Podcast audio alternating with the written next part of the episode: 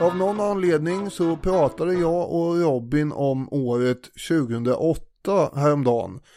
Och jag menade att det kändes oväntat länge sedan. Robin var tyst ett tag varpå han sen sa Fast känns inte 2008 exakt som om det var 15 år sedan. Efteråt har jag funderat över det där lite grann. Kan tid ha en känsla? 100 år är väl objektivt sett en lång period och ger känslan av länge sedan. Ganska långt fram i mitt liv av historieintresse tänkte jag på sånt för 100 år sedan som 1800-tal. Ett tag stämde det också förvisso, men jag tror att jag förlängde tanken omedvetet. 100 år sedan var en period utan fotografier och modern teknik. Ju äldre jag blev, desto mer visste jag ju rent faktamässigt att tekniken för 100 år sedan var vad tekniken var för 100 år sedan. Det är sällan man tänker aktivt på hur samtiden exakt såg ut för 100 år sedan. Det här har ju varit mer av en lågintensivt latent känsla liksom. 100 år sedan, det är ju Napoleontiden där. Ungefär som Robin alltid utgår från att han är yngst i alla sammanhang, har jag tänkt så här. Eh, första gången jag på riktigt kände att jag blev konfronterad med glappet i den där vaga tankemodellen var 2014. Plötsligt var det 100 år sedan första världskriget startade. Nej, är det? Eh, va? rent intellektuellt visste jag ju det här på alla plan och hade gjort länge, att snart är det 100 år sedan. Men när det blev hundra år sedan och ceremonier och böcker och tv-inslag trumpetade ut det här jubileet, då behövde jag revidera min känsla av att första världskriget tillhörde den moderna historien och hände ganska nyss. Det var ju hundra år sedan. Och idag ska vi avhandla en annan händelse som i dagarna inträffade för hundra år sedan. Nämligen Hitlers ölkällarkupp 1923 i samma veva var det alltså 100 år sedan hyperinflationen i Tyskland utspelade sig. Det är objektivt sett länge sedan, men allt är relativt i tidens långa termometer. Hur som helst, tappa upp ölet, plocka fram de salta kringlorna och korven och följ med oss till München för nu ska vi göra statskupp.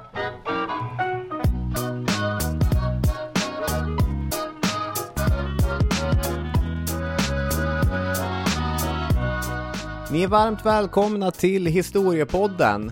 Och 100 eh, år är ju absolut en eh, sån eh, typisk traditionell beteckning för en lång tid. Mm. Men jag tror den här känslan som du upplever delvis hänger ihop med den eh, gammeltestamentliga perioden för en lång period, nämligen 40 år. Ja. Han var kung i 40 år. När någonting hände i 40 år så menar, menar man i Gamla Testamentet, det, det var en jäkla lång tid. Och eh, är det, när man börjar ha levt ett gammeltestamentligt långt, långt liv. Du menar att jag är så, det är så, jag har funnits så länge så att det är 40 år. Och det har jag ju. Ja. Ja, det är ju skrämmande. Då går det från 1800-tal till 1923. Hundra år sedan. Ja, nu är det ju hundra år sedan i alla fall som det vi ska prata om idag inträffade. Ja. För ett par år sedan så, kommer jag ihåg, då var det hundra år sedan morfar föddes också. Och då tänkte mm. jag med att det, det var ju länge sedan det alltså. Ja, så är det. En sak som jag har tänkt på under veckan när vi har förberett det här, att en ganska typisk grej som historielärare, allra helst om man undervisar yrkes eller teknikelever i den korta så kallade historia 1A1 för gymnasiet, är att när man närmar sig läsårets slut så står man med nästan hela 1900-talet kvar. Kort om tid och elever som dessutom har nationella prov i andra ämnen. Mm. Men Hitlers maktövertagande, det vill man ändå få med. Det, det ligger i ens yrkesplikt nästan. Mm. Eh, men då faller fokus såklart på det, det verkliga maktövertagandet, framgångarna i valet och så. Så ölkällarkuppen och den efterföljande fängelsevistelsen får från mig då en ganska styvmoderlig behandling. Jag brukar visa ett klipp från en BBC-dokumentär som jag ursprungligen fick från dig Daniel. Då ser vi Hitler som tågar in i en mörk ölkällare, skjuter ett skott i taket och säger de där klassiska orden som vi kommer säga senare i avsnittet. Sen ser vi honom i en fängelsecell där han dikterar Mein Kampf för en sekreterare. Sen går filmen, och jag med den, vidare. Mm. Och det här har jag tänkt på under veckorna då, att man blir lätt, eller jag har lite grann varit fast i den här versionen av berättelsen som jag har vant mig vid att berätta. Men med Tysklands och egentligen hela världens förlängda berättelse i fokus, då är det ju rimligt att inte fokusera överdrivet mycket på eh, ölkällarkuppen. Man ska ju få med hans, eh, hans rättegång och hans bok och hans diktatorskap och hans världskrig och hans förintelse och allting också. Men det är ju verkligen bara en berättelse, för när jag nu för första gången i mitt liv verkligen på djupet började läsa om ölkällarkuppen för ölkällarkuppens skull, mm. eh, så är det ju fortfarande förvisso så att Hitlers agerande är ett av huvudspåren. Men det framstår också som att man egentligen inte förstår kuppen om man inte ger sig den på att förstå situationen i Bayern och i München 1923. Nej, det är ju läge att göra. Så det blir mycket Hitler idag, men det blir ju, det blir ju en hel del den här specifika miljön som innebär att eh, en kupp känns... Inte så orimlig. Exakt. Det är det vi får komma ihåg här. Att det är inte orimligt att Nej, försöka exakt. och lyckas till och med kanske.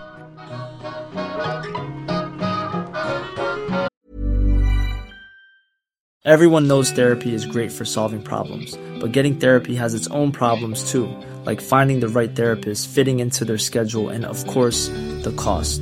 Well, BetterHelp can solve those problems. It's totally online and built around your schedule. It's surprisingly affordable too. Connect with a credentialed therapist by phone, video, or online chat, all from the comfort of your home. Visit betterhelp.com to learn more and save 10% on your first month. That's BetterHelp, H E L P.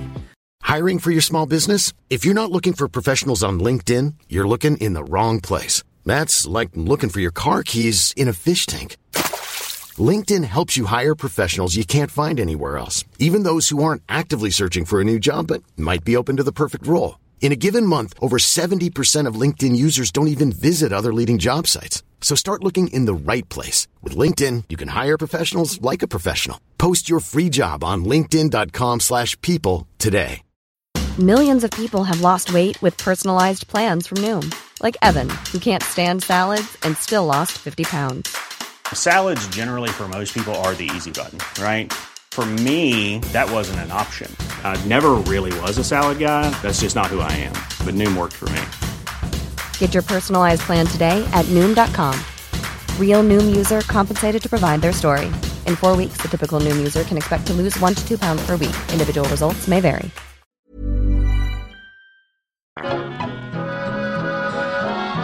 Lite grundfakta här då. Alla ska ju vara med här och förstå bakgrunden. Och det är ju då första världskriget har slutat i november 1918. Tyskland har alltså inte blivit invaderat av fienden.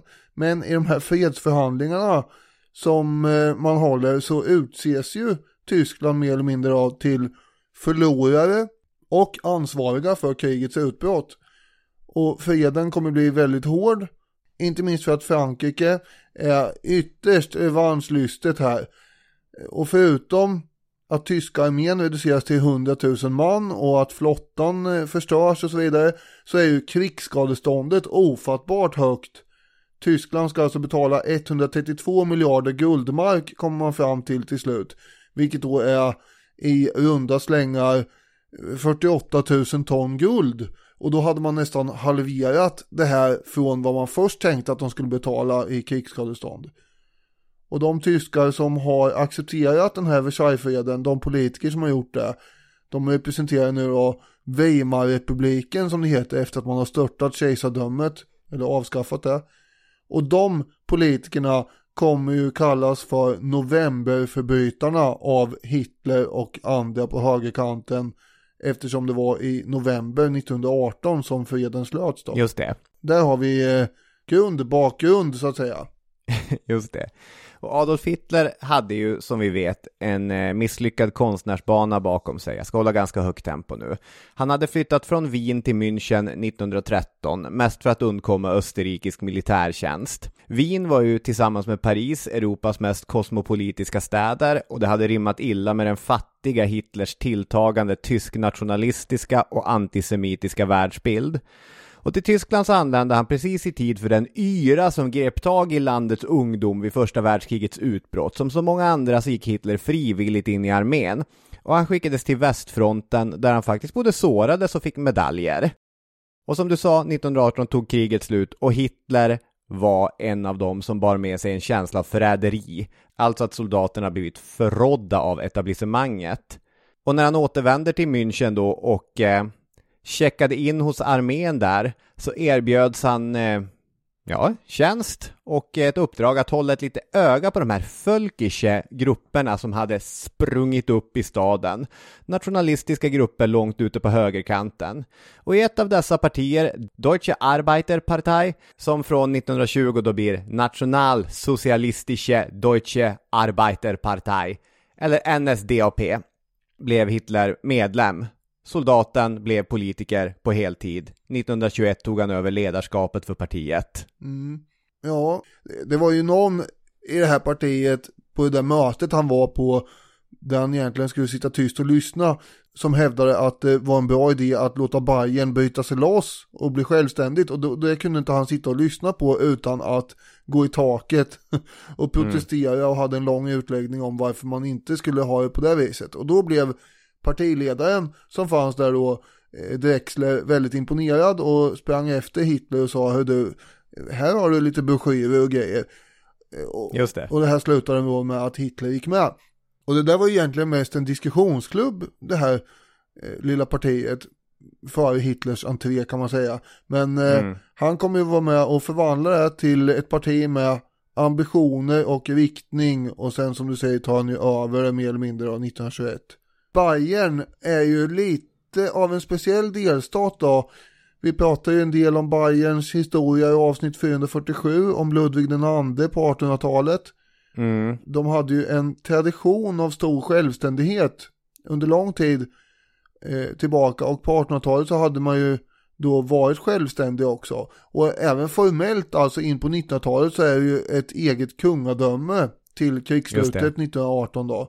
Bara en sån sak. Och det fanns ju starka strömningar i Bayern som sagt som ville bryta sig loss från övriga Tyskland. Antingen bli självständigt eller ansluta sig till Österrike. Och helst med någon form av återupprättande för familjen Wittelbach då så att de skulle komma tillbaka till någon slags bayersk tron. Det var ju många som ville. Hitler var ju inte ett dugg intresserad av någon sån där separatism. Utan han ville ha ett enat och starkt Tyskland men det var många i myndighetsställning i Bayern som var fientligt inställda till regeringen i Berlin. Oh ja. Och det var ju en uppfattning som han ivrigt delade. Så det fanns ju beröringspunkter för samarbete mellan nationalsocialisterna och myndigheterna i Bayern. Får man ju lugnt konstatera. Däremot så fanns det ju diverse representanter i delstatsregeringen i Bayern som var lite osäkra på vad de ville Eh, eller vad de ville göra, alltså med sin motvilja inför Berlin. Skulle de vara så här puttrigt sura på Berlin bara? Eller faktiskt göra något drastiskt och verkligt av saken? Det var lite oklart och den där ambivalensen satte ju Hitlers tålamod på prov emellanåt. Dessutom så fanns det olika åsikter inom den bayerska regeringen. Vissa i delstatsregeringen ville utvisa Hitler till Österrike, andra ville använda nazisterna för att hetsa mot Berlin. Och så här höll det på, kan man säga, hur man nu skulle mm. göra med saker och ting. Och Hitler höll ju allt intensivare tal framåt hösten 1922 där han argumenterar för att galgen är den enda slutstationen för de här novemberförbrytarna. Och frågan är om nazisterna tänkte försöka göra någon slags väpnad revolution här till och med. Eh, så, ja, aggressiva tal håller han ju. Ja, det är ju ingen politiker som presenterar reformer som en framkomlig väg här.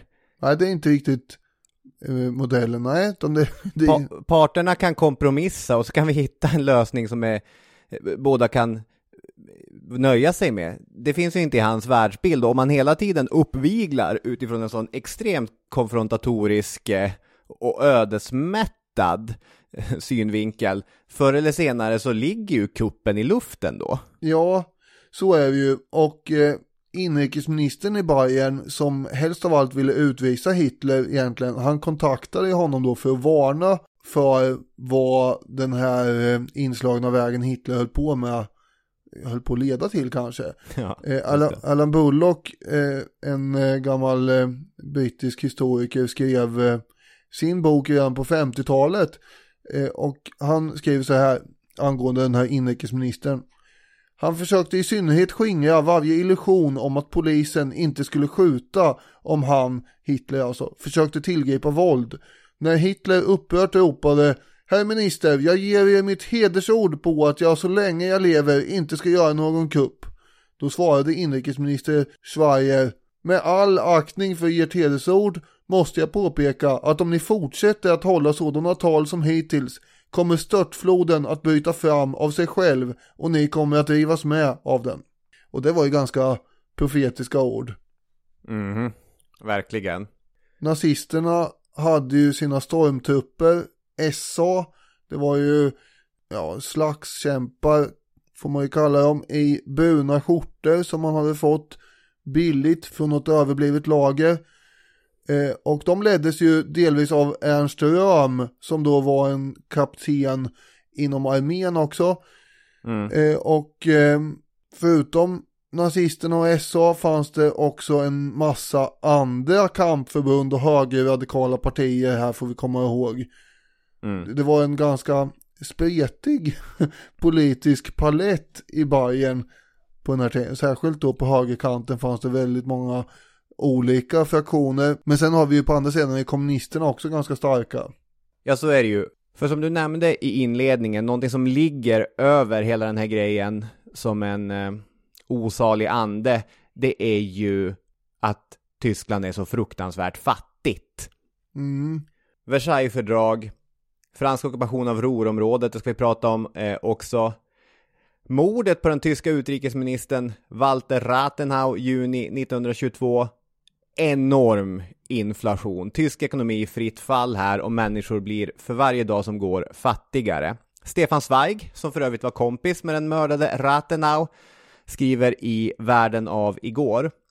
Jag upplevde dagar då jag på morgonen måste betala 50 000 mark för en tidning och på kvällen 100 000. Den som måste växla utländska pengar gjorde det bara i små poster spridd över tid. För klockan fyra fick han flera gånger mer än klockan tre och klockan fem återigen flera gånger mer än vad han hade fått 60 minuter tidigare. Jag sände till exempel ett manuskript som jag hade arbetat med ett helt år till min förläggare och trodde jag kunde känna mig säker om jag begärde omedelbar förskottsbetalning för 10 000 exemplar. När jag fick checken i handen täckte den knappt kostnaden för paketportot en vecka tidigare. Det är ju helt sjukt ju. Ja, det är det. Alltså jag vet ju att allt det här är helt sjukt. Jag har själv skrivit upp här olika poster för utvecklingen. 1918 fick man en dollar för fyra mark. Eh, sommaren 1922 var en dollar uppe i 400 mark och tidigt 1923 var en dollar värd 7000 mark och sen bara brakar det iväg. Men när man får höra det så här så, så är det ju, alltså det är ju ännu konstigare då. Ja. Ja, han har många sådana här exempel, Stefan Zweig. Han skriver att reparera ett sönderslaget fönster kostade mer än hela huset hade gjort. En bok mer än hela tryckeriet med alla sina maskiner. För 100 dollar kunde man köpa rader av sexvåningshus vid Kurfürstendamm. Fabriker kostade enligt växlingskursen inte mer än en skottkärra och så vidare och så vidare. Ja, här vänds ju liv upp och ner och i sådana oroliga tider, ekonomiskt oroliga tider och tider präglade av nationell skam och indignation finns det givetvis goda möjligheter för extrema rörelser att växa. Och där liksom passar ju Hitler mycket väl in. Partiets växande medlemskara och den vitala nationalistiska retoriken gjorde ju dessutom att Adolf Hitler började intressera den delen av den tyska nationalistiska rörelsen som var, eller tills alldeles nyligen hade varit etablissemanget innan. eh, Weimarrepubliken hade körts ner i halsen på dem. Så när Hitler 1921 besökte Berlin för att hålla tal i den så kallade nationella klubben så träffade han för första gången, tror jag, i alla fall, eh, Erich Ludendorff, generalen som i princip hade styrt Tyskland under de sista åren av första världskriget. Hjärnan bakom den tyska arméns stoltaste segrar under kriget, Tannenberg och, och så. Och inget fan av Weimarrepubliken. Men där märker man också hur gamla rävar och eh, de här uppkomlingarna kunde hitta gemensamma beröringsytor i sitt hat mot de här novemberförrädarna. Mm angående inflationen här som alltså förstör folks liv förstås på alla möjliga sätt och vis. Den hade ju den republikanska regeringen kunnat åtgärda men de eh, gjorde inte det egentligen, alltså kunnat och kunnat. Men istället för att försöka få en balanserad budget där man minskar utgifterna och höjer skatterna, vilket hade varit möjligt i ett tidigare skede, även om det hade varit svårt, så sänkte de ju skatterna och tryckte ännu mer pengar. Eh, och det här gynnade ju då, får man komma ihåg, storindustrin som blev av med massor av sina skulder och så vidare. Och planen var ju eh, från eh, regeringshåll att inflationen mer eller mindre skulle rädda dem från statsskulden som de hade fått på halsen. Men det räddar ju inte Tyskland från fransmännen det här ändå. För fransmännen var ju inte korkade. De ville ha riktiga värden så att säga. Och när tyskarna då inte överlämnar en timmerleverans till Frankrike som de skulle göra i enlighet då med det här krigsskadeståndsavtalet. Då bestämmer franska regeringen att man eh, ska gå in och ockupera Ruhrområdet i Tyskland. Och det här händer i början av 1923. Fransmännen tänker ta ut så mycket som möjligt av skadeståndet i kol här nu. Och eh, Ruhr är ju det område i eh, Tyskland som, man, som är själva industriella hjärtat ju. Så är det. Ja, den här ockupationen utlöste förstås ett ramaskri och eh, fullständig känsla av förödmjukelse. Och den tyska enheten här blir då eh, väldigt kompakt mot den här Mm. yttre fienden. Vi är emot att vara ockuperade av Frankrike. Det här är vi inte för, kände, kände alla. Och den tyska armén till exempel är med och arrangerar sabotage. Och fransmännen svarar ju då med att arrestera folk och deportera folk. Och den tyska regeringen lovar att alla som strejkar i RUR ska få sina löner ändå. Och strejkerna blir då eh, allomfattande. Och det här eldar ju på inflationen ännu mer förstås eftersom lönerna alltjämt ska betalas ut även fast ingen produktion sker. Eh, ja, det är mycket stök här. Efter den här ockupationen i januari 1923 så faller marken till 18 000 mark för en dollar. Vi jämför med dollar här. Och den första juli är det uppe i 160 000 mark för en dollar. Och den första augusti kostar en dollar en miljon och så vidare. Och i november så kommer ju en dollar motsvara 4 miljarder mark. Och det är ju bara början som sagt av förfallet. Mm. Bullock skriver så här. Valutans nedgång betyder inte bara slutet på handeln och bankrutter, matbrist i storstäderna och arbetslöshet. Den hade den effekt som är den säregna egenskapen hos en ekonomisk katastrof. Att den nådde och berörde varje enskild medborgare på ett sätt som ingen politisk förändring kan. Medelklassens och arbetarklassens besparingar sopades bort med en hänsynslöshet som ingen revolution någonsin skulle ha kunnat överträffa och samtidigt reducerades lönernas köpkraft till ett nästan ingenting. Även om en man arbetade tills han stupade kunde han omöjligt tjäna nog för att köpa kläder åt familjen. Mm. Ja, och det här är ju öppet mål så att säga för Hitler och eh, andra att eh, argumentera emot då. Eh, den här regeringens haveri till ekonomisk politik är ju ganska enkelt att kritisera och Hitler säger bland annat i ett av sina tal så snart tryckpressarna stannar och det är förutsättningen för att marken ska stabiliseras skulle man omedelbart avslöja svindeln. Tro mig, vår nöd kommer att bli starkare. Skurkarna kommer att gå fria. Anledningen? Staten har själv blivit den största svindlaren och bedragaren. En rövarstat! Om de upprörda människorna lägger märke till att de kan svälta med miljarder mark måste de dra slutsatsen. Vi vill inte längre finna oss i en stat som bygger på den bedrägliga majoritetsprincipen. Vi vill ha diktatur. Och det är vi ju nu då under våren 1923. Ja. ja, under 1923 så positionen kan beskrivas så här, jag citerar en av mina favoriter, Hitlerkännaren Joakim Fest. Han skriver Partiets snabba uppsving hade på den politiska scenen skapat en maktfaktor vars roll förblivit egendomligt odefinierad. Visserligen visade sig partiet avgjort nationellt och fylld av energi i sin kamp mot vänstern.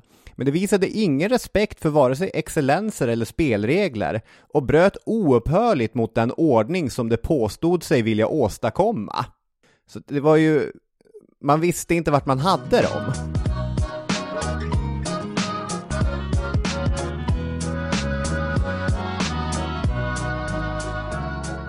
På tal om SA och de här andra kampförbunden till höger eller till vänster, egentligen så var ju frikårerna förbjudna.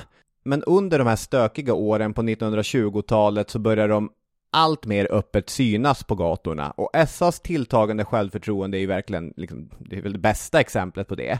Och det var ju heller inte självklart att den politiska och den militära grenen av de här rörelserna skulle lyda under samma röst. NSDAP hade etablerat sig som eh, den mest inflytelserika gruppen inom den nationalistiska rörelsen i München, men den där osande, radikala, revolutionära retoriken, den kan inte bara vara retorik, utan man, man behöver göra grejer, det behövs action. Annars blir den bara tomma ord. Ja. Och det började byggas en förväntan på handling i luften. Så partiet och SA väljer den 1 maj 1923 som ett lämpligt mål. Vad Hitler gör då är att han deklarerade offentligt att kommunisternas första majfirande inte skulle tillåtas genomföras. Och eh, den bayerska regeringen då, nu har de fått ett problem på halsen, så de försökte inledningsvis desarmera situationen genom en slags kompromiss.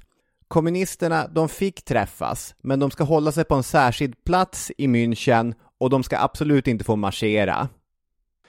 Hitler och eh, SA-befälet Ernst Röhm då, de eh, beger sig tillbaka till general Lossow, eh, där Hitler nu börjar ha lite klippkort.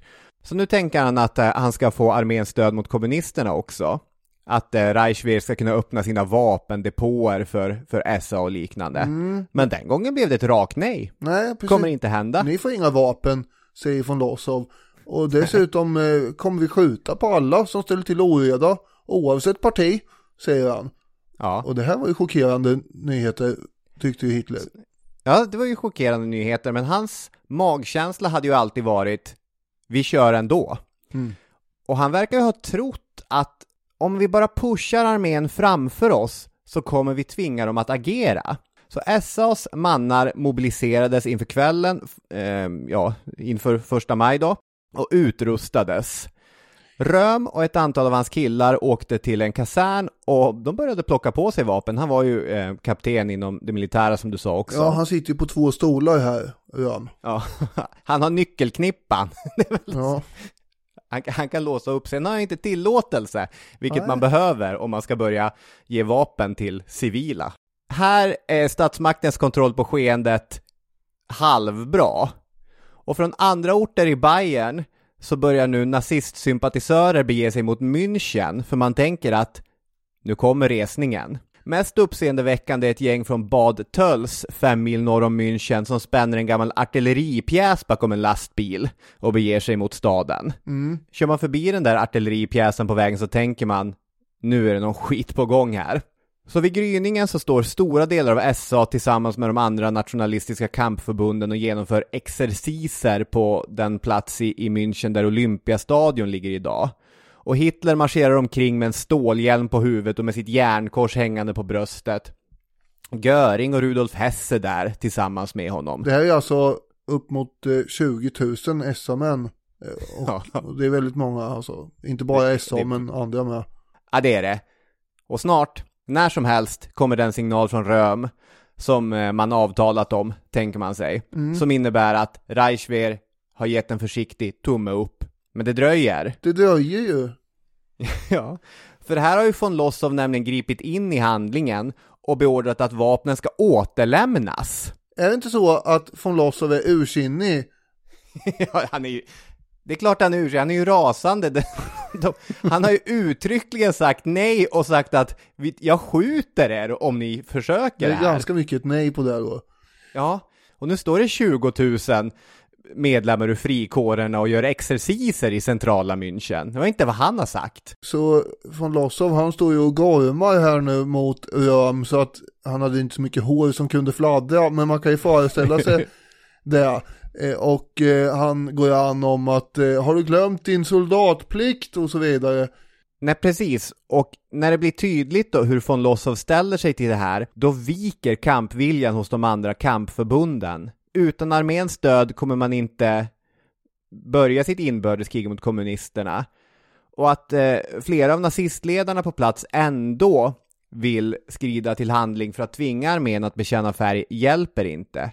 Hitler tvingas ta beslutet att avbryta planen och kommunisterna får fira första maj i lugnan ro. Det blev inte något eh, inbördeskrig eller vad man ska kalla det den första maj. Joakim Fest poängterar att det här är första gången under Hitlers kometkarriär där det faktiskt på riktigt skitit sig för honom. Och nu stod en bayersk allmänhet och tänkte Gång på gång, i talrika upphetsade tal, hade Hitler förhärligat ledarskapets vilja och idé. Och åtta dagar före den första maj hade han mångordigt beklagat en nation som behövde hjältar, men var hänvisade till pratmakare och hyllat tron på handlingskraft. Det motsvarade sannerligen inte tveksamhetens och rådvillhetens komedi på Oberweissenfeld den första maj. Nej, eh, han eh, har ju hamnat i en situation här då där allting har gått på örat och han kommer ju att hålla tyst nu hela sommaren. Han, Ja. han håller inte ett enda tal från eh, eh, början på maj här till eh, början på augusti. Inte nog med att han höll tyst, han lämnade ju München och, och hängde där på gränsen till Österrike.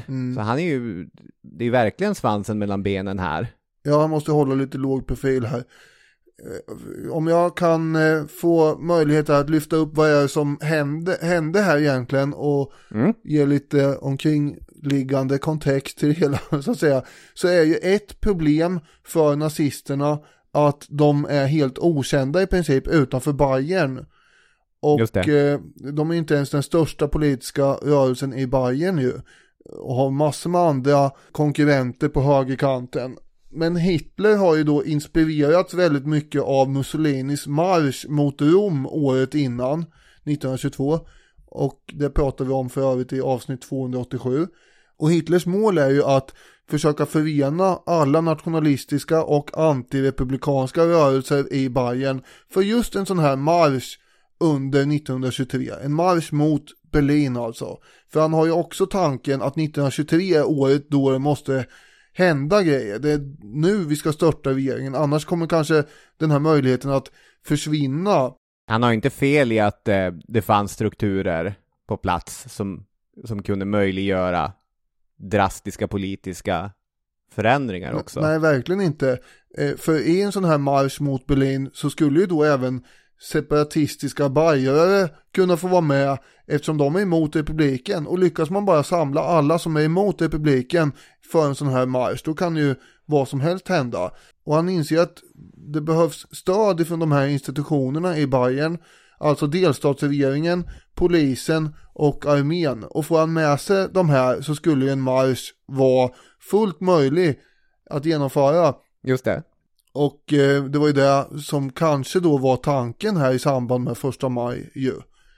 Eh, men det gick ju inte då som vi ser på grund av bland annat von Lossows nej och att armén inte ställer upp. Men eh, idén om att genomföra det här under det här året är ju fortfarande inte borta. Eh, och eh, inflationen kommer ju bara tillta och kaoset kommer öka så att nu går vi ju in här i hösten 1923 istället.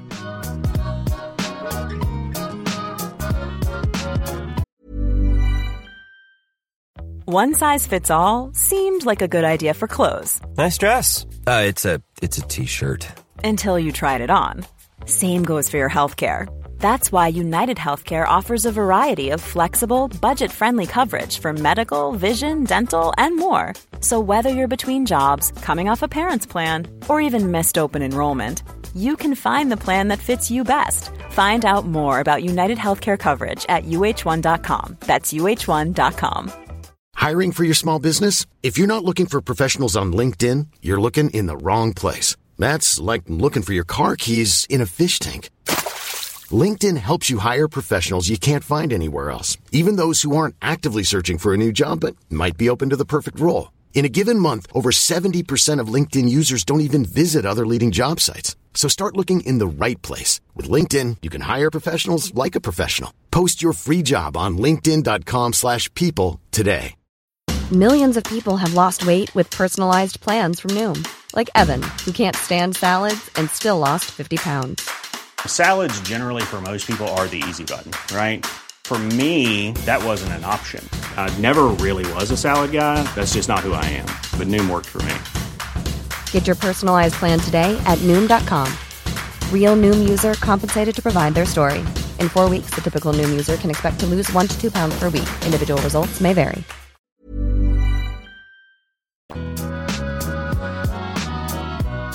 Och när vi nu då kommer in på den där hösten här så är det lämpligt att börja med den 2 september, även om det är snarare sensommar i och för sig. Så, I München, definitivt. ja, eh, men eh, det är också årsdagen för Tysklands seger vid slaget i Sedan i kriget mot Frankrike 1870. Och det firas då genom ett gigantiskt demonstrationståg i Nürnberg. Eh, Polisen uppskattar eh, till att det var ungefär 100 000 människor som var med i det där. Det är alla möjliga patriotiska sällskap, det är högerpartier och kampförbund och så vidare. Och någon annan som var där, det var Erich Ludendorff. Som du nämnde innan.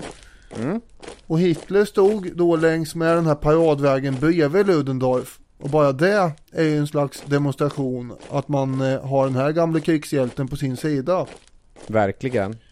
Ludendorff var ju en av de framträdande militärerna som ledde eh, Tyskland under första världskriget som sagt. Ja. Det är lite grann som Eisenhower efter andra världskriget fast man förlorade. Ja, det kan man säga. ja, förlåt, fortsätt. Eh, även om Eisenhower var en betydligt gemytligare man ja, ja, absolut. än den mycket kärve och eh, stela Ludendorff. Men, men aura och rykte. Ja, absolut. Han var 58 år gammal 1923 och var en ivrigt ihärdig motståndare till Weimarrepubliken. Och inom konservativa kretsar och särskilt armén då var han ju alltjämt, hade ju hög prestige som du säger. Och Hitler hade ju då träffat honom tidigare och hade nu börjat bearbeta Ludendorff för att få med honom på sitt tåg kan man säga. Och målet var ju att göra Ludendorff till någon form av affischnamn i en kommande kupp. För det skulle ju kunna göra att man vevade in eh, liksom armén eh, i sin folla. Om man hade Ludendorff på sin sida. Och dessutom skulle det vara bra utifrån perspektivet att har man honom så känner övriga Tyskland också till vem han är, för det gör man ju ute i Tyskland och då är det inte någon eh, okänd människa som eh, leder den här kuppen då, Nej. sett. Det behövs ett affischnamn som Ja. eh, har igenkänningsfaktor på riksnivå. Och Ludendorff har ju tyvärr då själv ambitioner på politisk makt, men han var ju inte tillräckligt skarp egentligen då på det området. Bullock skriver, när det gäller politik var han urbota dum och dessutom var han taktlös. Han ogillade bajrare, hans förhållande till kronprins Rupert, Bayerns tronpretendent, var det sämsta möjliga. Och han gick ständigt till angrepp mot kyrkan i Tysklands mest katolska stat. Han har ju noll fingertoppskänsla. Det är ju otur det här eftersom det starkaste stödet för det han vill uppnå finns i just Bayern. Det är otur ja. 26 september 1923 så meddelar då rikskansler Gustav Stresemann att nu upphör det passiva motståndet mot fransmännen i Ruhr eh, och eh, vi ska börja betala de här skadeståndspengarna igen. Och eh, Stresemann ansåg att det krävdes förhandlingar om att sänka det här krigsskadeståndet och för att det skulle uppnås så krävdes det ju att man hade bättre relationer med Frankrike och då måste man börja betala igen. Och tidigare så hade det tyska folket stått helt eniga som sagt då mot fransmännen.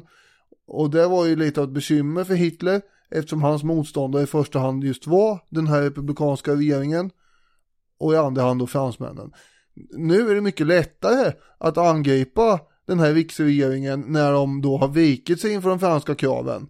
Och, Ja. och som på en given signal så utbyter ju en kakafoni av ilsket spott och spe över den här regeringen från olika nationalistiska grupperingar och inte minst från Hitler. Och då är ju, ska vi komma ihåg, den här eh, rikskansler Gustav Stresemann ändå konservativ monarkist. Ja. Men, men det hjälper inte. Eh, Och förutom från det nationalistiska hållet så vrålar ju även de numerärt växande kommunisterna ett avgrundsvrål mot regeringens politik. Alla på de olika kanterna är ilsket arga nu på att man ska börja betala det här skadeståndet igen. Så nationalister och kommunister förenas i sin avsky mot regeringen.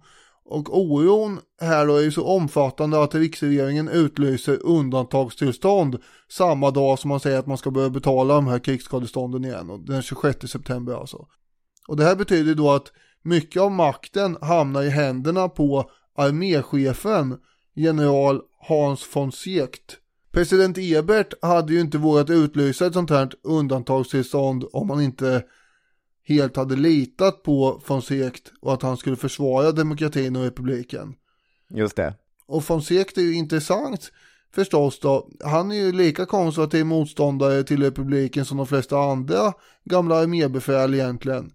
Men, Ja. men, eh, men han tycker att armén måste garantera stabiliteten istället för att uppmuntra till inbördeskrig. Mm. Eh, Och då har jag ett långt citat här från en av hans eh, dagordrar eh, som kom från den 4 november där han förklarar sin tankegång lite grann. Så länge jag stannar kvar på min post kommer jag aldrig att upphöra att upprepa att Tysklands räddning varken kan komma av den ena ytterligheten eller den andra. Varken genom hjälp från utlandet eller genom en statsvälvning. Vare sig den igångsätts av högern eller vänstern. Det är bara genom hårt arbete, tyst och envetet fullgjort, som vi kan klara oss. Detta kan ske endast på basis av den lagliga konstitutionen. Att frångå den principen är liktydigt med att släppa inbördeskriget löst. I ett dylikt inbördeskrig skulle ingen av parterna segra. Det skulle bli en strid som bara kunde sluta på ett sätt, att båda gick under. Den skulle bli en kamp lik den som 30-åriga kriget är ett sådant ohyggligt exempel på. Slut citat. Och här har han väl en poäng att det skulle bli eh, ett förfärligt inbördeskrig som ingen sida skulle gynnas av i längden. Och framförallt inte landet då. Ja. Jag håller med von Sekt i att eh, armén ska verka för stabilitet. Ja, Redan den 5 september så hade Hitler sagt under ett möte Antingen marscherar Berlin och fullbordar sitt verk i München eller också marscherar München och fullbordar sitt verk i Berlin. Ett bolsjevistiskt Nordtyskland och ett nationellt Bayern kan inte bestå sida vid sida.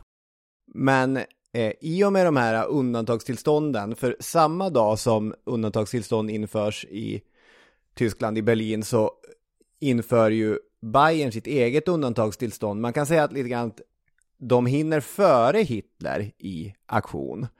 Och nu måste Hitler förhålla sig till det. Det är Eugen von Knilling, chef för den bayerska regeringen, som eh, utlyser det här undantagstillståndet och utser Gustav von Kahr till generalstatskommissarie.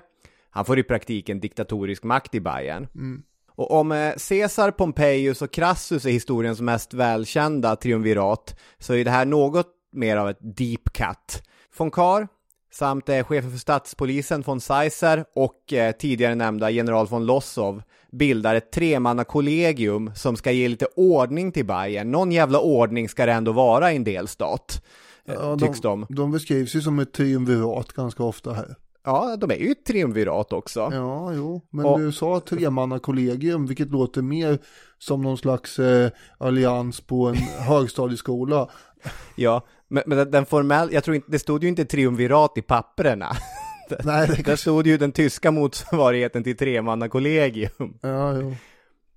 Eh, och von Kahrs förhållande till Hitler är enligt följande. Han samarbetade gärna med högerns kampförbund, men han lät också Hitler noggrant veta att Hitler inte bestämde. Till exempel började han med att eh, ställa in 14 av partiets eh, planerade massmöten som en, en ren maktdemonstration. Och som Joakim Fest beskriver det så trodde Hitler att han skulle fungera som en partner till karl Men i själva verket så var han eh, statsmaktens objekt. Som, som många andra av de här konservativa tyskarna under 20 och 30-talet så trodde ju den bayerska eliten att man liksom kunde, kunde tukta Hitler till att stötta deras bayerska nationella strävanden. Att man kunde få honom att, att gå in i ledet nu. Vi vill ungefär samma sak. Men, men Hitler, han blev ju rasande. Han, han spottade och fräste och jobbade inför sina närmsta upp mordiska planer om omedelbara uppror. Men sen lugnade han ner sig. För han hade också stöd från München. Det var inte bara det att man ställde in massmöten. När riksregeringen i Berlin uppmanade von Kahr att stänga ner publiceringen av Völkische Beobachter, den här nazistiska tidningen, så vägrade von Kahr att göra det.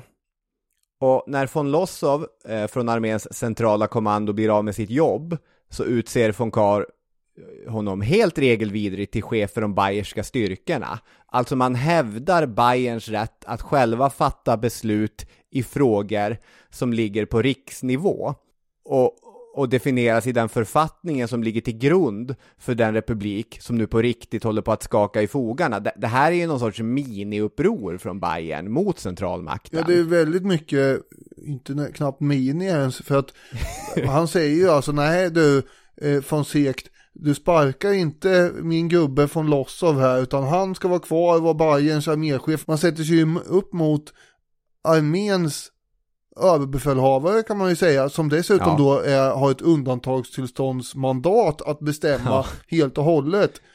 Eh, och inte nog med det så kommer ju von Kahr införa att alla militärer i Bayern ska svära trohetsed mot den bayerska regeringen. Mm. Eh, det här är ju mycket av vad man skulle kunna säga en total brytning nästan. Och ändå inte viktigt. Men, men ja, mini, ja, jag vet inte.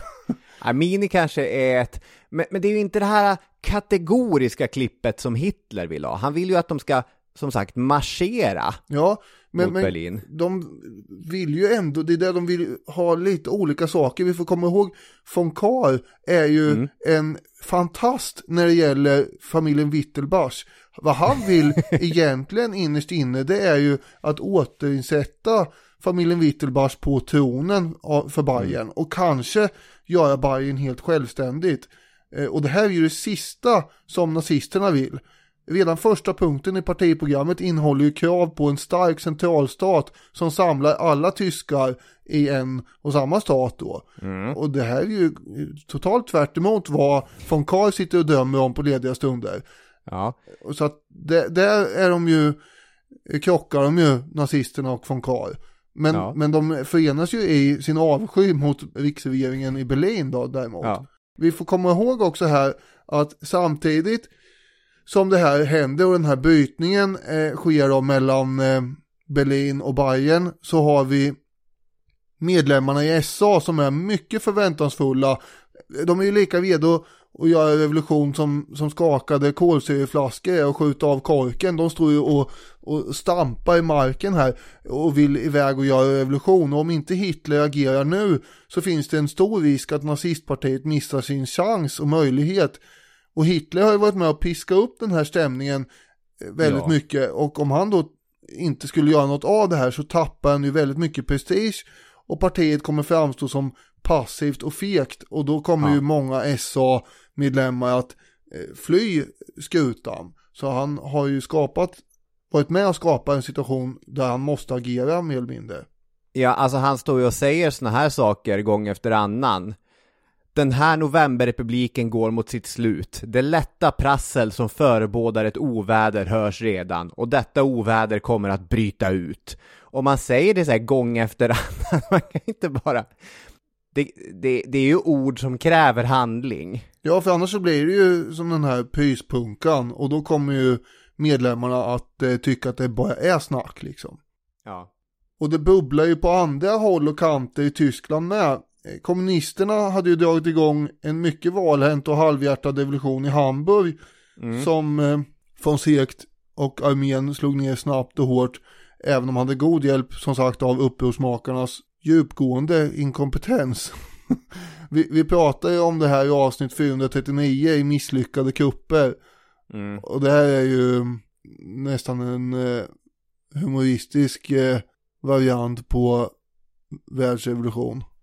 Ja, så är det ju, framförallt när man bara ser på den. Men om man tänker, du pratade om pyspunka tidigare, om man tänker att eh, regeringen i Berlin doppar den där cykelslangen i vattenhinken och märker att det bubblar på, på massa håll här. Mm. Då, då märker man ju att även om det är inkompetenta kommunister i Hamburg och, och det är nationalister i Tyskland som kanske är mer snack än verkstad än så länge så är det ju ändå en cykel som man är lite osäker på hur länge man kommer kunna lita på. Ja, eh, absolut. Det, så är det ju. Det visar att det jäser på olika håll. Och det här skedde ju då i oktober och från sekt behöver alltså ha koll på olika delar av Tyskland. Även i eh, delstaterna runt omkring Bayern finns det ju kommunister som är på gång att ta över där. Mm, det gör det. Och Hitler har ju en balans att fundera på, för han känner ju själv att någonting måste göras. Men han slits mellan rädsla för eh, att den här nya bayerska diktatorn, eller vad man ska kalla honom, typ ska göra det före eller ska göra det utan honom. Och den motsatta känslan, nämligen att den bayerska diktatorn inte kommer att göra någonting, att det är tomt prat från citat en svag förkrigsbyråkrat. Men eh, Hitler hade ju egna supportrar ibland det gamla gardet, Erich Ludendorff som vi har pratat om. Och förhoppningsvis tänkte Hitler sig, skulle Ludendorff kunna hjälpa till att få Reichswehr att ställa sig på rätt sida när det slutligen brann till. Kanske, kanske ville även den sittande bayerska regeringen agera mot Berlin tids nog. 24 oktober hölls eh, möten mellan armén och polisen i München för att diskutera en marsch mot Berlin. SA och eh, NSDAP bjöds inte in till de där mötena, vilket eh, andra representanter för andra kampförbund gjorde. Eh, det blev, då, då var Hitler också skummande ilsken över förolämpningen och nazisterna anordnade omgående parad för att visa sig ute på gatorna. Men den bayerska regeringen drar på några beslut hela tiden. Och Hitlers tålamod blir ju allt mer prövat.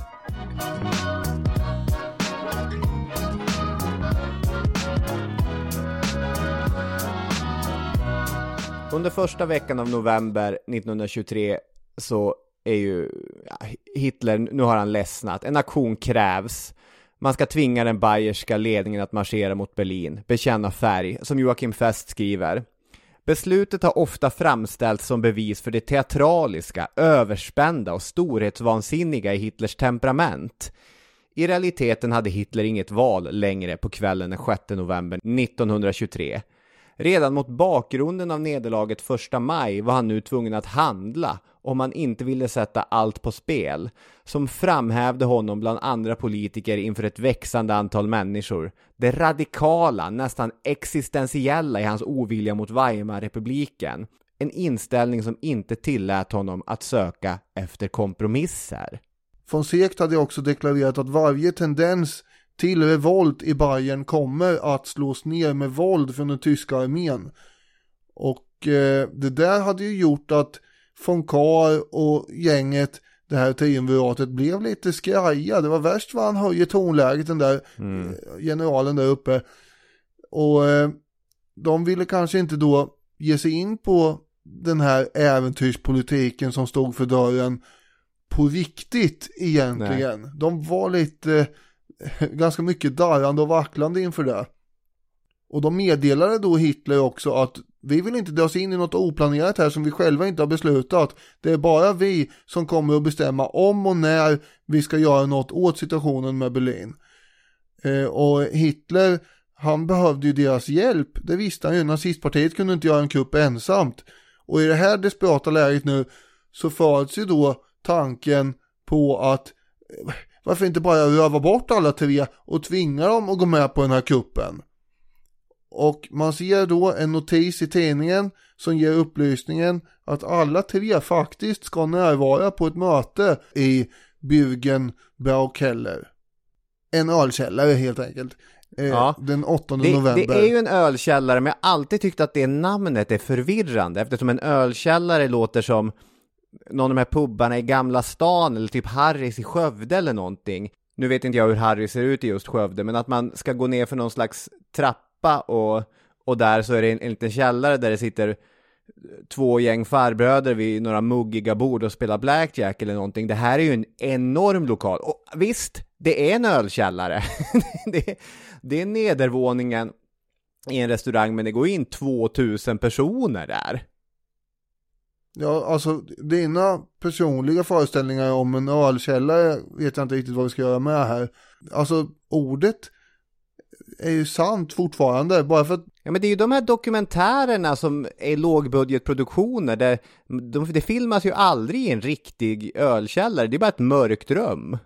det är, som, det är inte själva ordet som ställer till det för det då. Ja, men det är ordet och hur det gestaltas på film. Och jag tror att det har att göra mycket med dina besök i diverse pubbar som du pratar om här också.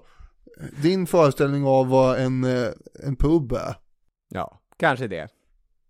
Ja men eh, det går in mycket folk ja, det är poängen du vill ha in. Jag vill ha poängen, jag vill ha in poängen också att det är den 8 november, för det försökte jag säga förut. Ja, ja, det är ju, det är ju viktigt också. När Hitler försöker få tag på von Kahr under morgonen den 8, då gör sig von Kahr oanträffbar. Eh, Och när man inte får tag på någon då börjar man ju tänka negativa tankar. det är något lurt på gång. Så Hitlers misstanke är ju då att von Kahr tänker utropa en självständig bayersk stat under det här mötet där han ska hålla ett tal då på kvällen. Och så kommer kvällen och 3000 ölsugna Münchenbor trängs ju då i de här bänkarna med stora skummande bayerska stengods. Eh, och eh, det är uppsluppen och skrattande stämning generellt här. Hitler är då i den här ölkällaren men håller sig i skymundan.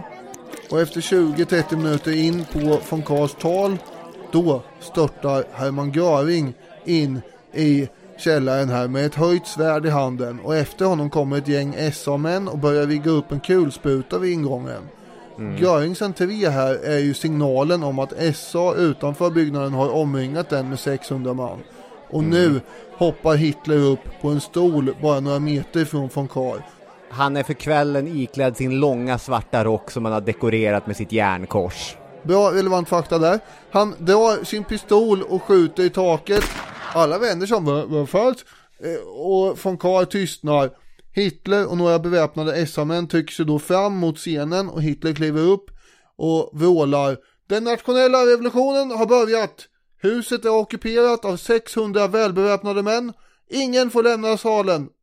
Och så säger han att Bayern och rikets regeringar har avsatts och att nu har en eh, provisorisk nationell regering bildats och att armé och poliskaserner har blivit besatta och trupper och polis är på marsch mot staden under hakorsflaggan och allt möjligt.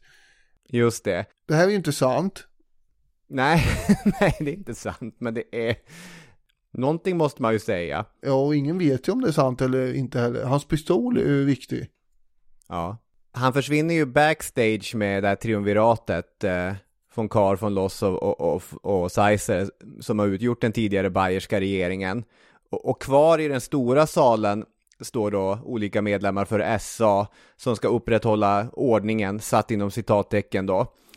Samtidigt som en till en början ganska ja, vad, oimponerad publik ropar saker till dem. Eh, jag gillar berättelsen om vad de skriker. Det är no- flera som ropar teater! Fast nästan roligast är att många ropar Sydamerika! och det är Varför ropar de det? därför att eh, det, det är man gör inte den här typen av statskupper i, i Tyskland. Det här är sydamerikanskt beteende. Ja. Sydamerika. Ja, de är snarstuckna här. och eh, någon ropar ju Skjut! Var inte lika fega som 1918. till poliserna. Men poliserna har ju sett att deras chefer har blivit lite skraja och de eh, har också fått instruktioner då att de mer ska rapportera saker och ting än ingripa.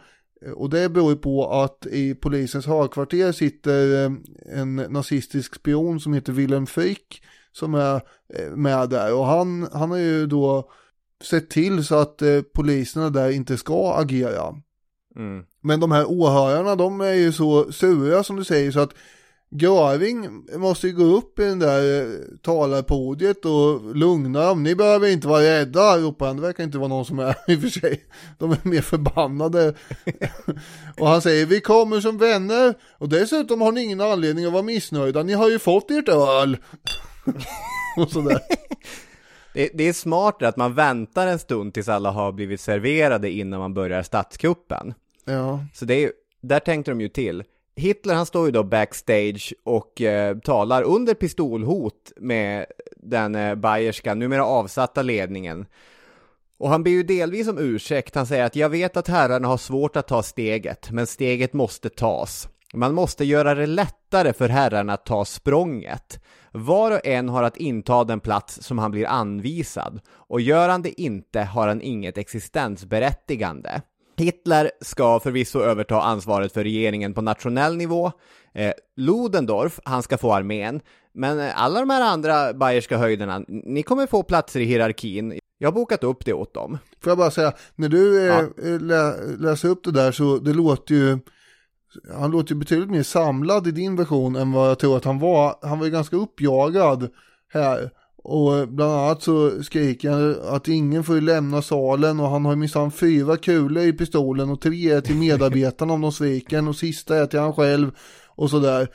Ja. Och de här eh, fångarna de sitter ju och, för det är ju vad de är nu, Ja, de sitter och stirrar rakt framför sig i tystnad bara ja, eh, och lyssnar. Det är klart de hajar väl till då när han säger att Ludendorff har varit med och utformat en ny regering och sådär. Ja. Det var ändå, Och, och det är väl inte sant heller? nej för- verkligen inte, men eh, det är ändå intressant och en ny uppgift för dem. Ja, så är det ju. Ludendorff visste ju inte, han kände inte till planen i förväg, men samtidigt som Hitler inleder kuppen så åker en chaufför iväg för att hämta honom. Och det är tur, för saker och ting håller på att glida Hitler eh, ur händerna, för von Kahr är inte alls intresserad av det som Hitler säljer. Herr Hitler, säger han, ni kan låta skjuta mig och ni kan skjuta er själv, men att dö eller inte dö är för mig helt betydelselöst. Och Hitler tar sig ju inledningsvis ingenstans med dem. Så utan att de har gått med på sina nya poster så lämnar han ju det mindre rummet för att tala till publiken ute i salen. Och, och där går det ju bättre, han är ju bättre att ta folket än vad Göring är. Ja, eh, Göring har väl en ganska eh, jovial attityd ändå med att se till att de har öl och grejer. Han är väl Ja. inte dålig på det här. Nej. Men Hitler har ju mer en eh, actiondrivet tänk så han springer ju ut i ölkällaren, upp på podiet och skjuter i taket igen för att få tyst på de här öldrickarna. Och eh, så skriker han ju högtidligt saker av. Han säger att vi ska marschera mot detta Babylon Berlin som hotar hela tyskheten. Det är ju för övrigt namnet på, på Ja. den tv-serie på, på SVT som man gärna kan se om man gillar Tyskland. Och det var ju ett eh, i tiden vanligt förekommande öknamn. Nu har Ludendorff kommit till ölkällaren. Ja, precis. Ungefär samtidigt som eh, Hitler skriker att en ny riksregering kommer att utses redan idag här i München. En ny nationalarmé kommer omedelbart att bildas. Och då ramlar Ludendorff in där och eh, han eh, möts ju tillsammans med Hitlers slutord där av jubel och rungande applåder. Och det här påverkar ju förstås de här tre filurerna som sitter i rummet bredvid. Bara, det var värst vad alla var upprymda och muntra där ute nu här. Ja, precis. Och så när Ludendorff pratar till dem så säger han ju att förvisso, det här är oortodoxt, men det är en historiens dag som vi nu genomlever. Här vill ni vara med. Ja, han är ju ganska upprörd för att Hitler har utsett sig själv till ledare för landet sen också. Att Ludendorff Mm. själv skulle bara bli någon form av ledare för armén. Ja, han har inte blivit tillfrågad om de här posterna i förväg heller, så man kan ju bli sur när man blir tagen lite grann på sängen, ställs inför fullbordat faktum. Men, men under, som Fest skriver, under det personliga inflytandet av den legendariska nationella galjonsfiguren börjar den ene efter den andra att ge efter. Von Lossow, han lyder order. Här har vi, här har vi en general. Ja. Seiser, han följer efter von Lossow. Sen har vi von Karl som krång- Ja! han vill ju krångla lite till här. För ja, men kan man ändå inte peta upp vittelbarsarna på tronen kanske ändå här. och Hitler han ser ju här att nu behövs det banne inte mycket mer lirkande här och, och han kopplar ju på skärmen då och säger om ers excellens tillåter ska jag genast åka ut och träffa hans majestät, alltså bayerska kronprinsen då Ja. och informera honom om att tyska folket har rest sig och gottgjort den orättvisa som begicks mot hans majestäts begråtne och bortgångne herr fader. Och då ger sig von Karl. Här, Hitler hittade ju till sist den gyllene biljetten, eller liksom det, det greppet som bet här, för han, innan det så har han ju prövat med det som många skulle falla till foga för, nämligen eh, smicker eller att erbjuda personlig framgång. Han har sagt till von Kahr att allt du behöver göra är att nicka så kommer folk falla på knä inför dig. Och de har svarat, det är ingenting jag lägger någon vikt vid. Men där har vi Wittelbacharna då. Sa du Wittelbach?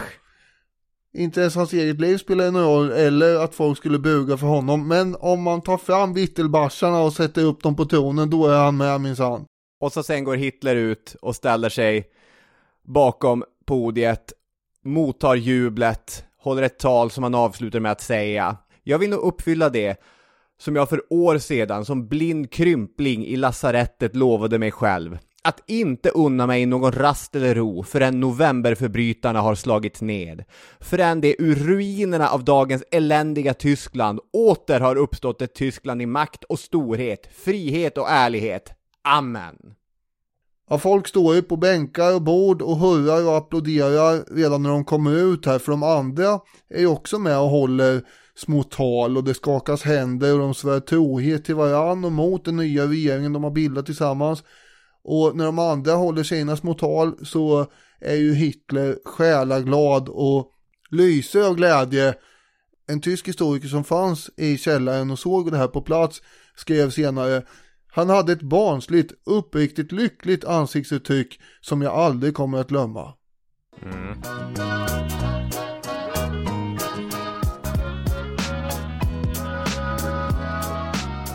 Det ser ju faktiskt ut som att kuppen har lyckats. Men... Eh, Ja, det finns ju en värld utanför den här källaren också som vi behöver hantera.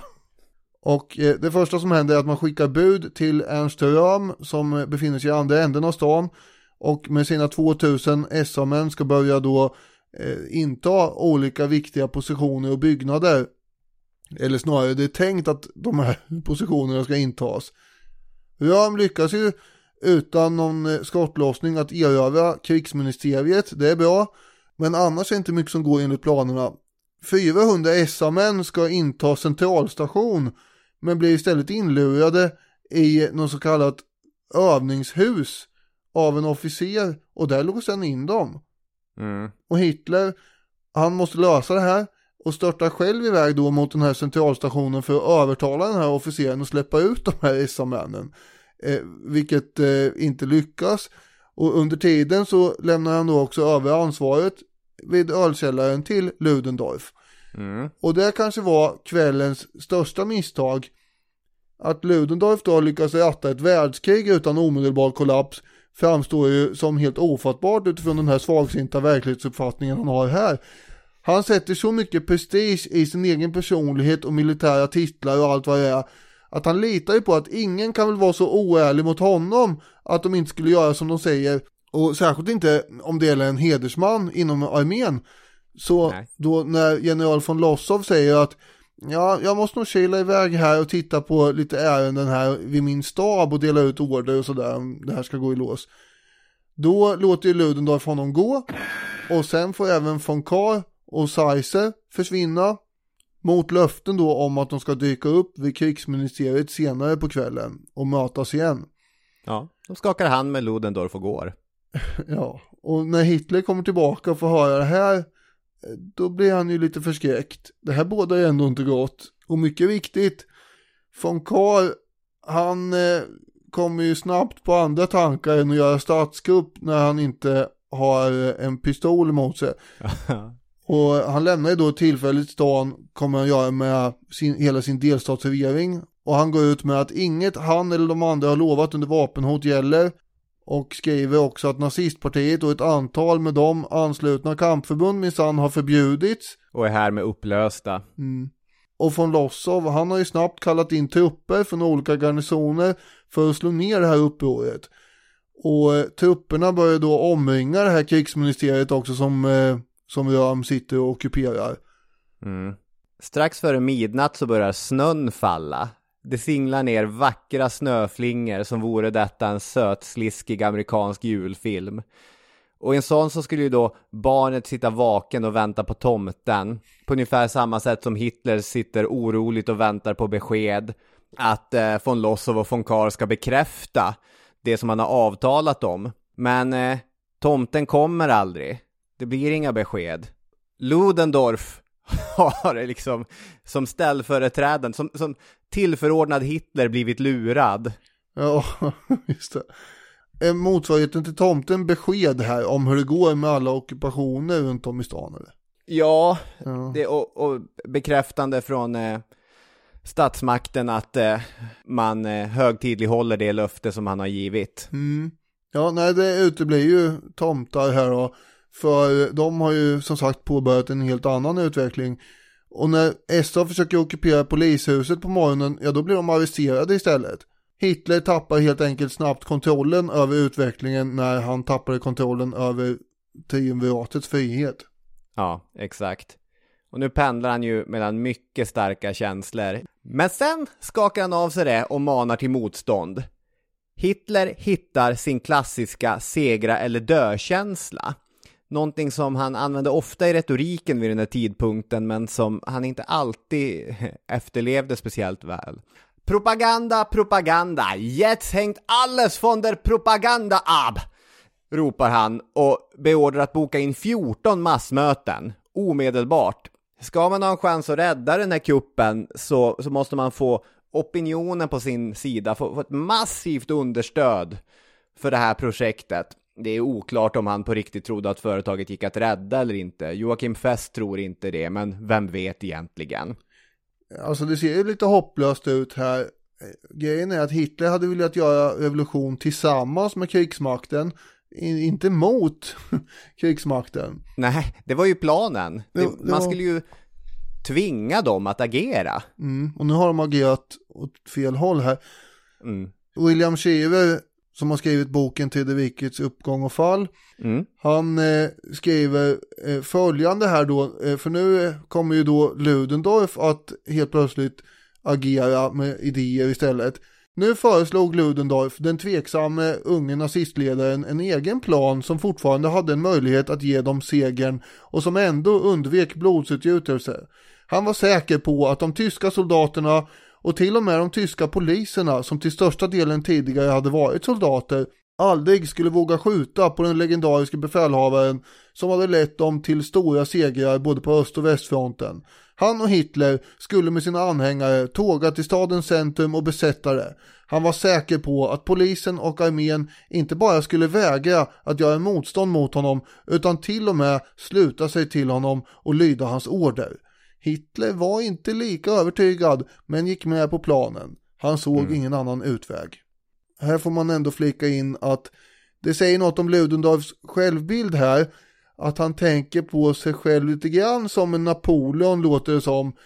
eh, han känner förstås till hur Napoleon fick eh, trupperna som inte ville skjuta mot honom med sig efter återkomsten från Elba. Eh, det som kallas för de eh, hundra dagarna mm, när Napoleon gjorde en comeback där. Eh, nu kommer det inte riktigt bli lika bra utfall för Ludendorff som det blev för Napoleon kan ju tilläggas. Nej. Man skrapar ihop några tusen medlemmar och, och längst fram går ledarskapet och fanbärarna, Ludendorff och Hitler. Göring är med där också, tillsammans med de andra nazisterna. Vi gick i övertygelsen om att detta var slutet, på ena eller andra sättet, skrev Hitler långt senare. Hitler gick för övrigt arm i arm med en annan nazist, Max Erwin von Schäubner Richter Förvisso trevligt att hålla armkrok med någon på gatorna och så, men kanske också ett tecken på att han var ganska skakad. Det här är ju inte den absoluta symbolen för makt som han gestaltar. Det var inte så Mussolini hade vandrat eh, mot, mot Rom, arm i arm med ett moraliskt stöd. Och på en av broarna över eh, en flod i, i München så hade poliserna bildat en kedja. Skulle de stoppa det här tåget, men den poliskedjan övermannas och avväpnas. Än så länge har Ludendorff rätt. Sen kommer man in i centrala München vid Odeonplatz och där står nästa poliskedja. Och det finns som sagt inga militärer i den här spärren utan det är hundra ungefär poliser och SA-männen är ju många fler. Och gatan här är ganska trång, det är nästan som en gränd eh, så det finns ju ingen möjlighet att utnyttja ett numerärt övertag. Eh, och den här gången går det inte att eh, ta sig förbi spärren genom att övertala polisen att de ska släppa förbi dem. Och i bakgrunden av de här förhandlingarna där man står och försöker ändå försöka övertala dem så hör man ju Hitler ropa Kapituleren, kapituleren, kapituleren. Men det hjälper inte och man har ju haft väldigt svårt här. Det går ju inte egentligen att fastslå vem det är som öppnar eld först. Nej. Båda har skylt på varandra. Men plötsligt så brakar ju då en snabb och intensiv eldstrid loss. Ja, precis, det, det, är ett ensamt skott som först ringer av. Och sen så är det omfattande skottlossning i en knapp minut. Mm.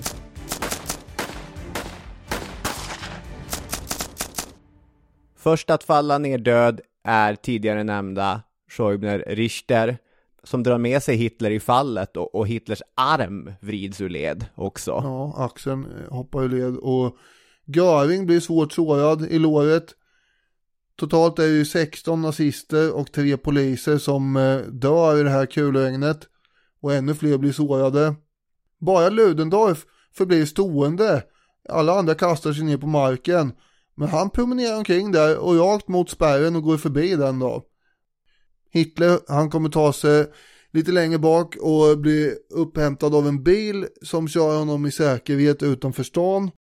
Och han kommer gripas några dagar senare. Göring, han eh, kommer att ta sig till Österrike och fly undan där och det gäller även Rudolf Hess.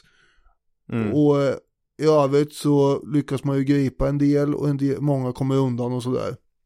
Ram till exempel, han kapitulerar ju efter ett par timmar där inne i krigsministeriet. Ja, precis. Två av de här 16 stupade nazisterna eh, dör ju i en skottlossning där ute också. Det kan man eh, flika till, för det är 16 inalles, 14 i, i marschen. De andra tusentals medlemmarna i marschen, de, de skingras ju i mer eller mindre oordning och det har givits hundra olika tänkbara förklaringar till det högermännens instinktiva auktoritetskänsla, bristande självförtroende för marschens möjlighet eller någonting helt annat. Att, att ledarskapet viker sig, det gör ju inte Ludendorff i och för sig. Eh, Joakim Fest är inte så imponerad av Hitlers agerande morgonen den 9 november. Han skriver Ludendorffs heroiska hållning hade blottställt framförallt Hitler som nu förlorat kontrollen över sitt handlande för andra gången samma dag. De redogörelser hans anhängare lämnat skiljer sig bara i oväsentliga detaljer och alla är eniga om att han, innan allt var avgjort, reste sig ur mängden av anhängare som tagit beteckning och snabbt satte sig i säkerhet. De döda och sårade lämnade han kvar och när han senare försvarat sig med att han i förvirringen trodde Ludendorff var död så måste det invändas att just detta skulle ha krävt att han stannat kvar. Ludendorff var ju väldigt upprörd på SA som inte hade vågat forcera spärren tillsammans med honom och han var lika upprörd på armén som inte hade gått över till den. Så att ja. han var ju upprörd generellt här. Ja. Det, det är också, han, hans agerande under hela den här saken är ju, är ju intressant som du säger hur godtrogen och naiv han var där i, i ölkällaren och tänkte att nu har jag fått en officers hedersord och det är, det är värt guld och gröna skogar. Men ställ där inför en poliskedja som skjuter, då liksom marscherar han rakt fram utan att vika undan blicken. Mm. Där är det ju någonting modigt i gubben. Ja, verkligen. Han är ju av den gamla militära tyska officersstammen. Ja.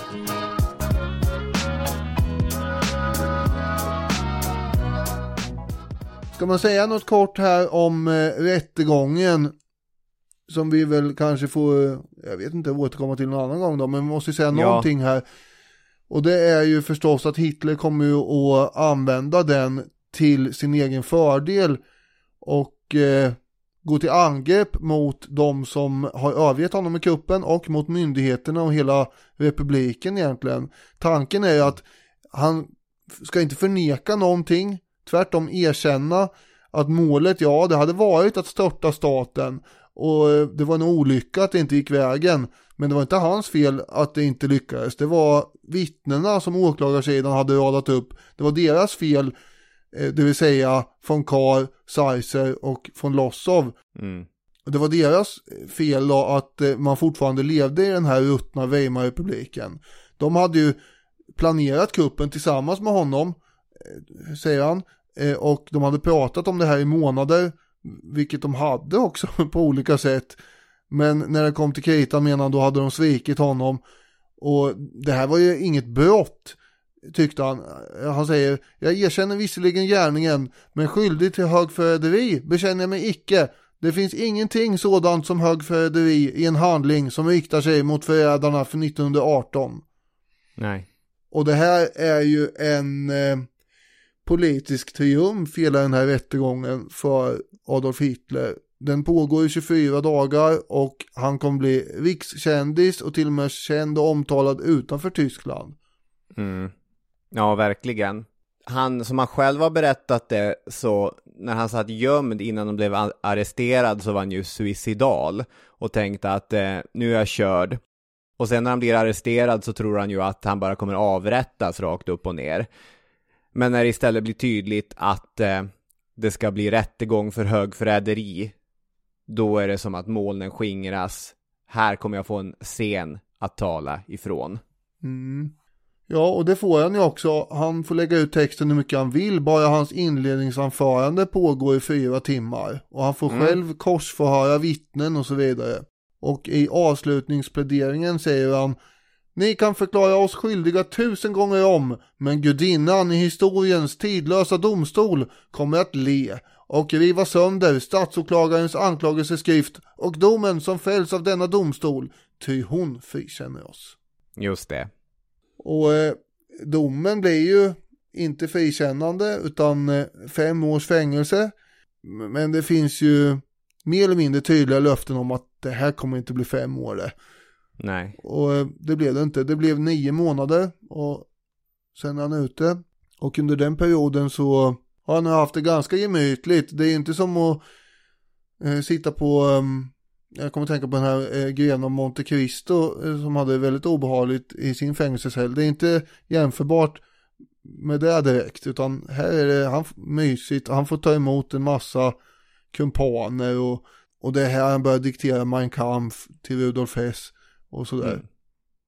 Hela den här händelsen mytologiserar sig sen också i den nazistiska propagandan och den var ju viktig även om det blev ett misslyckande eftersom hade man inte försökt så hade ju kraften helt runnit ur den här rörelsen. Mm. Han kommer ju besöka den här ölkällaren varje år den 8 november, även under krigsåren. 1935 så grävdes de här 16 stupade nazisterna upp och fördes till gravvalven i Federnhalle och det blev någon form av nationell helgedom. Och Hitler hyllade dem och sa att de är nu odödliga och har inträtt i vårt lands historia. Här står de för Tyskland och håller vakt över vårt folk. Här ligger de som sanna vittnen för vår rörelse. Och en intressant liten eh, sidoanekdot är ju att den här hakorsfanan som man hade haft med sig, den hade blivit nedstänkt med blod ju.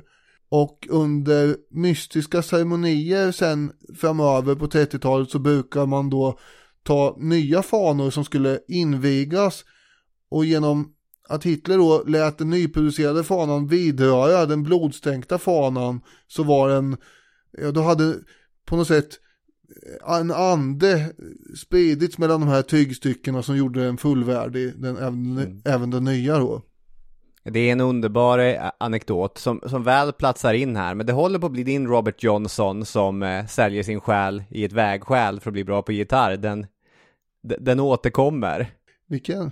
Den här eh, berättelsen, den har du dragit Ja, i podden flera gånger. Tyvärr kan du inte säga det för det har återkommit en gång och den gången jag sa det förra gången så klippte vi bort det. Jaha. För det var ju, det var i samband med Gustav Vasa och det där.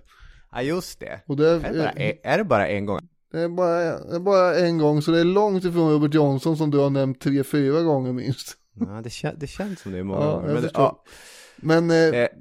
det är en gång och sen kan det komma fler gånger om vi tar det, ja, det är ju, obs, det är en bra story. Du får dra den tio gånger för min del. Okej. Det finns ju ett resonemang om att Hitler inte klarade av att vara sann revolutionär. Att han inte kunde göra det som bolsjevikerna till exempel hade lyckats med. Men det går ju att överdriva den där grejen också, för det är ju sant att det hade varit praktiskt för nazisterna att ha kontroll över järnvägen och telegrafen och alla de här klassiska sakerna man brukar fokusera på när man genomför en statskupp. Men hela planen byggde ju på att Hitler trodde sig kunna sätta den redan existerande regimen i rörelse. Att han trodde att eh, nu kan jag med en liten knuff få München att marschera mot Berlin. Det faktum att han blev fängslad av samma regim han trodde sig kunna styra visar ju att eh, där hade han fel. Men det är ju lika mycket att det var fel plan som att eh, det var fel i utförandet då. Jo, men han hade väl ändå någon form, alltså själva tanken att man behövde få med sig de här institutionerna var väl eh, förmodligen eh, rätt och riktig. Men han lyckades ju inte med det. Nej, han gjorde inte det. Och i något avseende, lika delar tur och skicklighet, så blev ju det här en av flera faktorer i hur Adolf Hitler till sist fick diktatorisk makt i Europas viktigaste land. Sen eh, hur det verkligen gick till, då, då kan vi inte bara förhålla oss till eh, 1920-talet, utan då måste man då måste man kraschlanda i den period då Hitler faktiskt vann den makten. Och det vi gjort tidigare och kan vi göra framöver igen. Ja, eh, alltså han drar ju slutsatsen att man var ju ändå, man var ju inte redo att ta över staten 1923. Och när man skulle ta över den så behövde man ju ersätta den gamla staten med en ny stat och den behövde man bygga upp i förväg.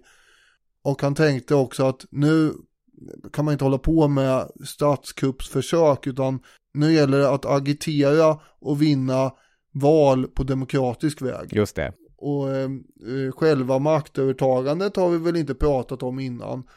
Så det kan vi väl ha på att göra listan.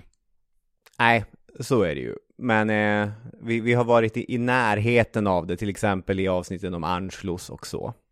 Men med detta sagt har vi då avhandlat ölkällarkuppen och allt vad det innebar.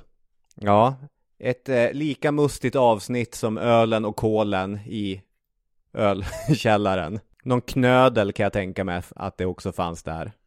Ja, men det behöver vi inte fördjupa oss i nu. För att det är redan ett långt avsnitt. Vi tackar så jättemycket för att ni har lyssnat och så hörs vi om en vecka. Det gör vi. Tack så mycket. Hej då med er! Hej hej!